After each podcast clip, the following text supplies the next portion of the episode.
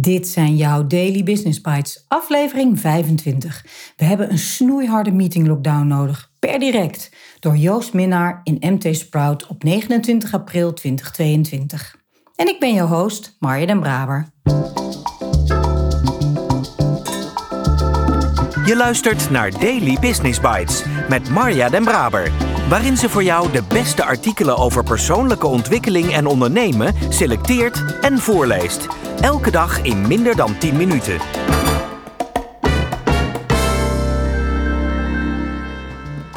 Dit is de podcast waarin ik jou, en eerlijk gezegd ook mijzelf, enkele van de beste artikelen en blogs op gebied van ondernemen en persoonlijke ontwikkeling voorlees.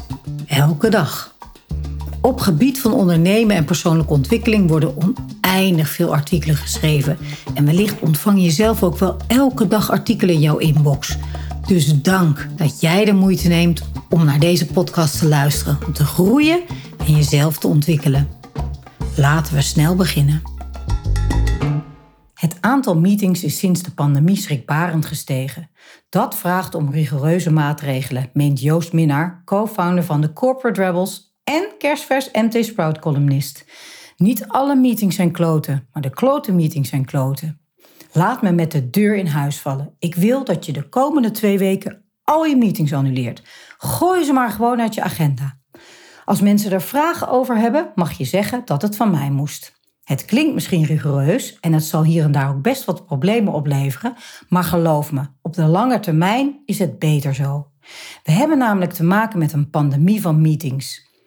En als we de afgelopen twee jaar iets hebben geleerd, is het dat halfslachtige maatregelen niet werken. Uit onderzoek door Microsoft, en die hebben zorgwekkend veel zicht op hoe jij je dag doorbrengt, blijkt dat sinds het begin van de corona wereldwijd het aantal professionele meetings met 250% is gestegen. Dat is toch krankzinnig? Twee en een half keer zoveel meetings. En natuurlijk, als je niet fysiek samen bent, is het best logisch om wat vaker een digitale meeting in te plannen, al was het maar tegen de eenzaamheid. Maar werkte dat nou echt? Werden we echt minder eenzaam van een scherm met kleine vierkantjes met collega's die overduidelijk naar andere tabbladen zaten te staren? Of productiever? Nee, natuurlijk niet. Dus waarom stopten we er niet mee? Een belangrijke reden is schuldgevoel. Als je thuis werkt, waag je het nog wel eens om even met de buurman te babbelen, een wasje te draaien of zelfs boodschappen te doen. En dat hoort niet bij werken. Een half uur bij de koffieautomaat op kantoor over voetbal is werk, maar zodra we in werktijd dingen doen die we niet uh, met onze baan associëren, voelen we ons schuldig. Daar betaalt je baas je toch niet voor? Dus willen we graag laten zien dat we wel degelijk druk bezig zijn met werkdingen. En hoe toon je dat nou beter aan dan met een agenda vol meetings? Kijk eens hoe productief ik ben. Ik haal alles uit mijn dag. Je hond aaien? Geen werk. Een meeting? Overduidelijk werk. Maar je hoort tijdens zo'n meeting zelden iemand iets verstandigs zeggen als: Volgens mij kunnen we het voortaan ook wel zonder deze meeting, toch? En dus zitten we nu post-pandemie opgescheept met een agenda met een monsterlijke hoeveelheid meetings. Waarschijnlijk heb je er deze week ook weer een paar achter de rug. Blij dat je erbij was? Nieuwe inzichten opgedaan? Was je anders vastgelopen? Staan de neuzen weer dezelfde kant op? Of had je in die tijd beter je hond kunnen aaien? Meetings zijn meestal niet meer dan een hinderlijke onderbreking van ons werk. In het boek Rework geven Basecamp-oprichters Jason Fried en David Heinemeier daarvoor zeven redenen. Meetings gaan over vage, niet concrete zaken, bevatten veel te weinig informatie per seconde, dwalen constant af van het onderwerp, hebben te vaak geen duidelijk doel, vragen om voorbereiding waar niemand tijd voor heeft, hebben altijd wel een eikel erbij die zijn kans pakt om ieders tijd te verdoen en last but not least, meetings planten zich voort. De ene meeting leidt weer tot een nieuwe, waardoor weer twee nieuwe meetings op de agenda komen, waar ook weer wordt besloten binnenkort te meeten met die en die collega erbij en ga zo maar door. Daarom stel ik een meeting lockdown voor. Schrap ze allemaal uit je agenda. Geen zorgen, de wereld vergaat echt niet. Doorgaan met waar we mee bezig zijn is veel schadelijker. Dan gaat de exponentiële groei van meetings gewoon door. Zo werkt voortplanting.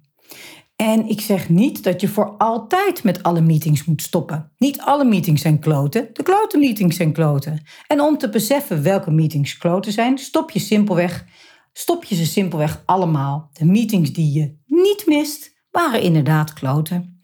Neem tenminste twee weken de tijd om te merken welke meetings echt noodzakelijk waren. Welke meetings kunnen, we in de, kunnen in de toekomst korter? Zijn er meetings die je na deze lockdown met minder mensen kunt doen? Ontdek dat er betere methodes zijn om collega's te laten weten waar je mee bezig bent en hoe ze daarbij kunnen helpen. En misschien wel het belangrijkste, besef hoeveel tijd je voor jezelf hebt gecreëerd. Volgens recent Amerikaans onderzoek is dat gemiddeld 6 uur per week. 6 uur. Al gebruik je maar de helft van die tijd om iets nuttigs te doen, dan is het nog enorme winst. Je luisterde naar we hebben een snoeiharde meeting lockdown nodig. Per direct door Joost Minnaar. Daily Business Bites met Marja Den Braber. Het recht met de deur in huis vallen. Niet alle meetings zijn kloten, de klote meetings zijn kloten. Zo is het. Ik ben direct terug in mijn begintijd als trainer in 2003. Ik gaf persoonlijke effectiviteitsprogramma's en zat zo letterlijk bij iemand aan het bureau om in al zijn of haar lade vakjes en mappen te kijken. En natuurlijk ook in de agenda. Bijna altijd Outlook. Niet alleen kop-staartvergaderingen, maar zelfs afspraken driedubbel naast elkaar. Ik werd er plaatsvervangend zagrijnig van. Echt niks voor mij. Zeker niet als iemand anders ook zomaar dingen in jouw agenda kan knallen. Maar die tijd is gelukkig al heel lang voorbij. Maar voor veel mensen niet, dat besef ik goed. En de C-periode heeft dat alleen maar erger gemaakt. Had je vroeger in ieder geval nog een loopje naar de volgende meeting, nu is het vaak de volgende online vergadering die alweer binnenkomt.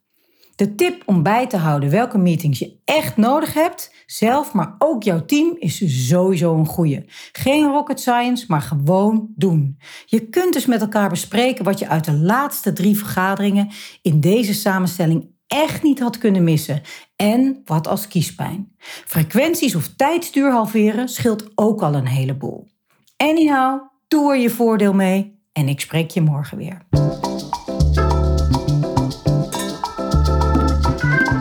Was Daily Business Bites. Wil je vaker voorgelezen worden? Abonneer je dan op de podcast in je favoriete podcast-app. Meer weten? Klik op de links in de show notes.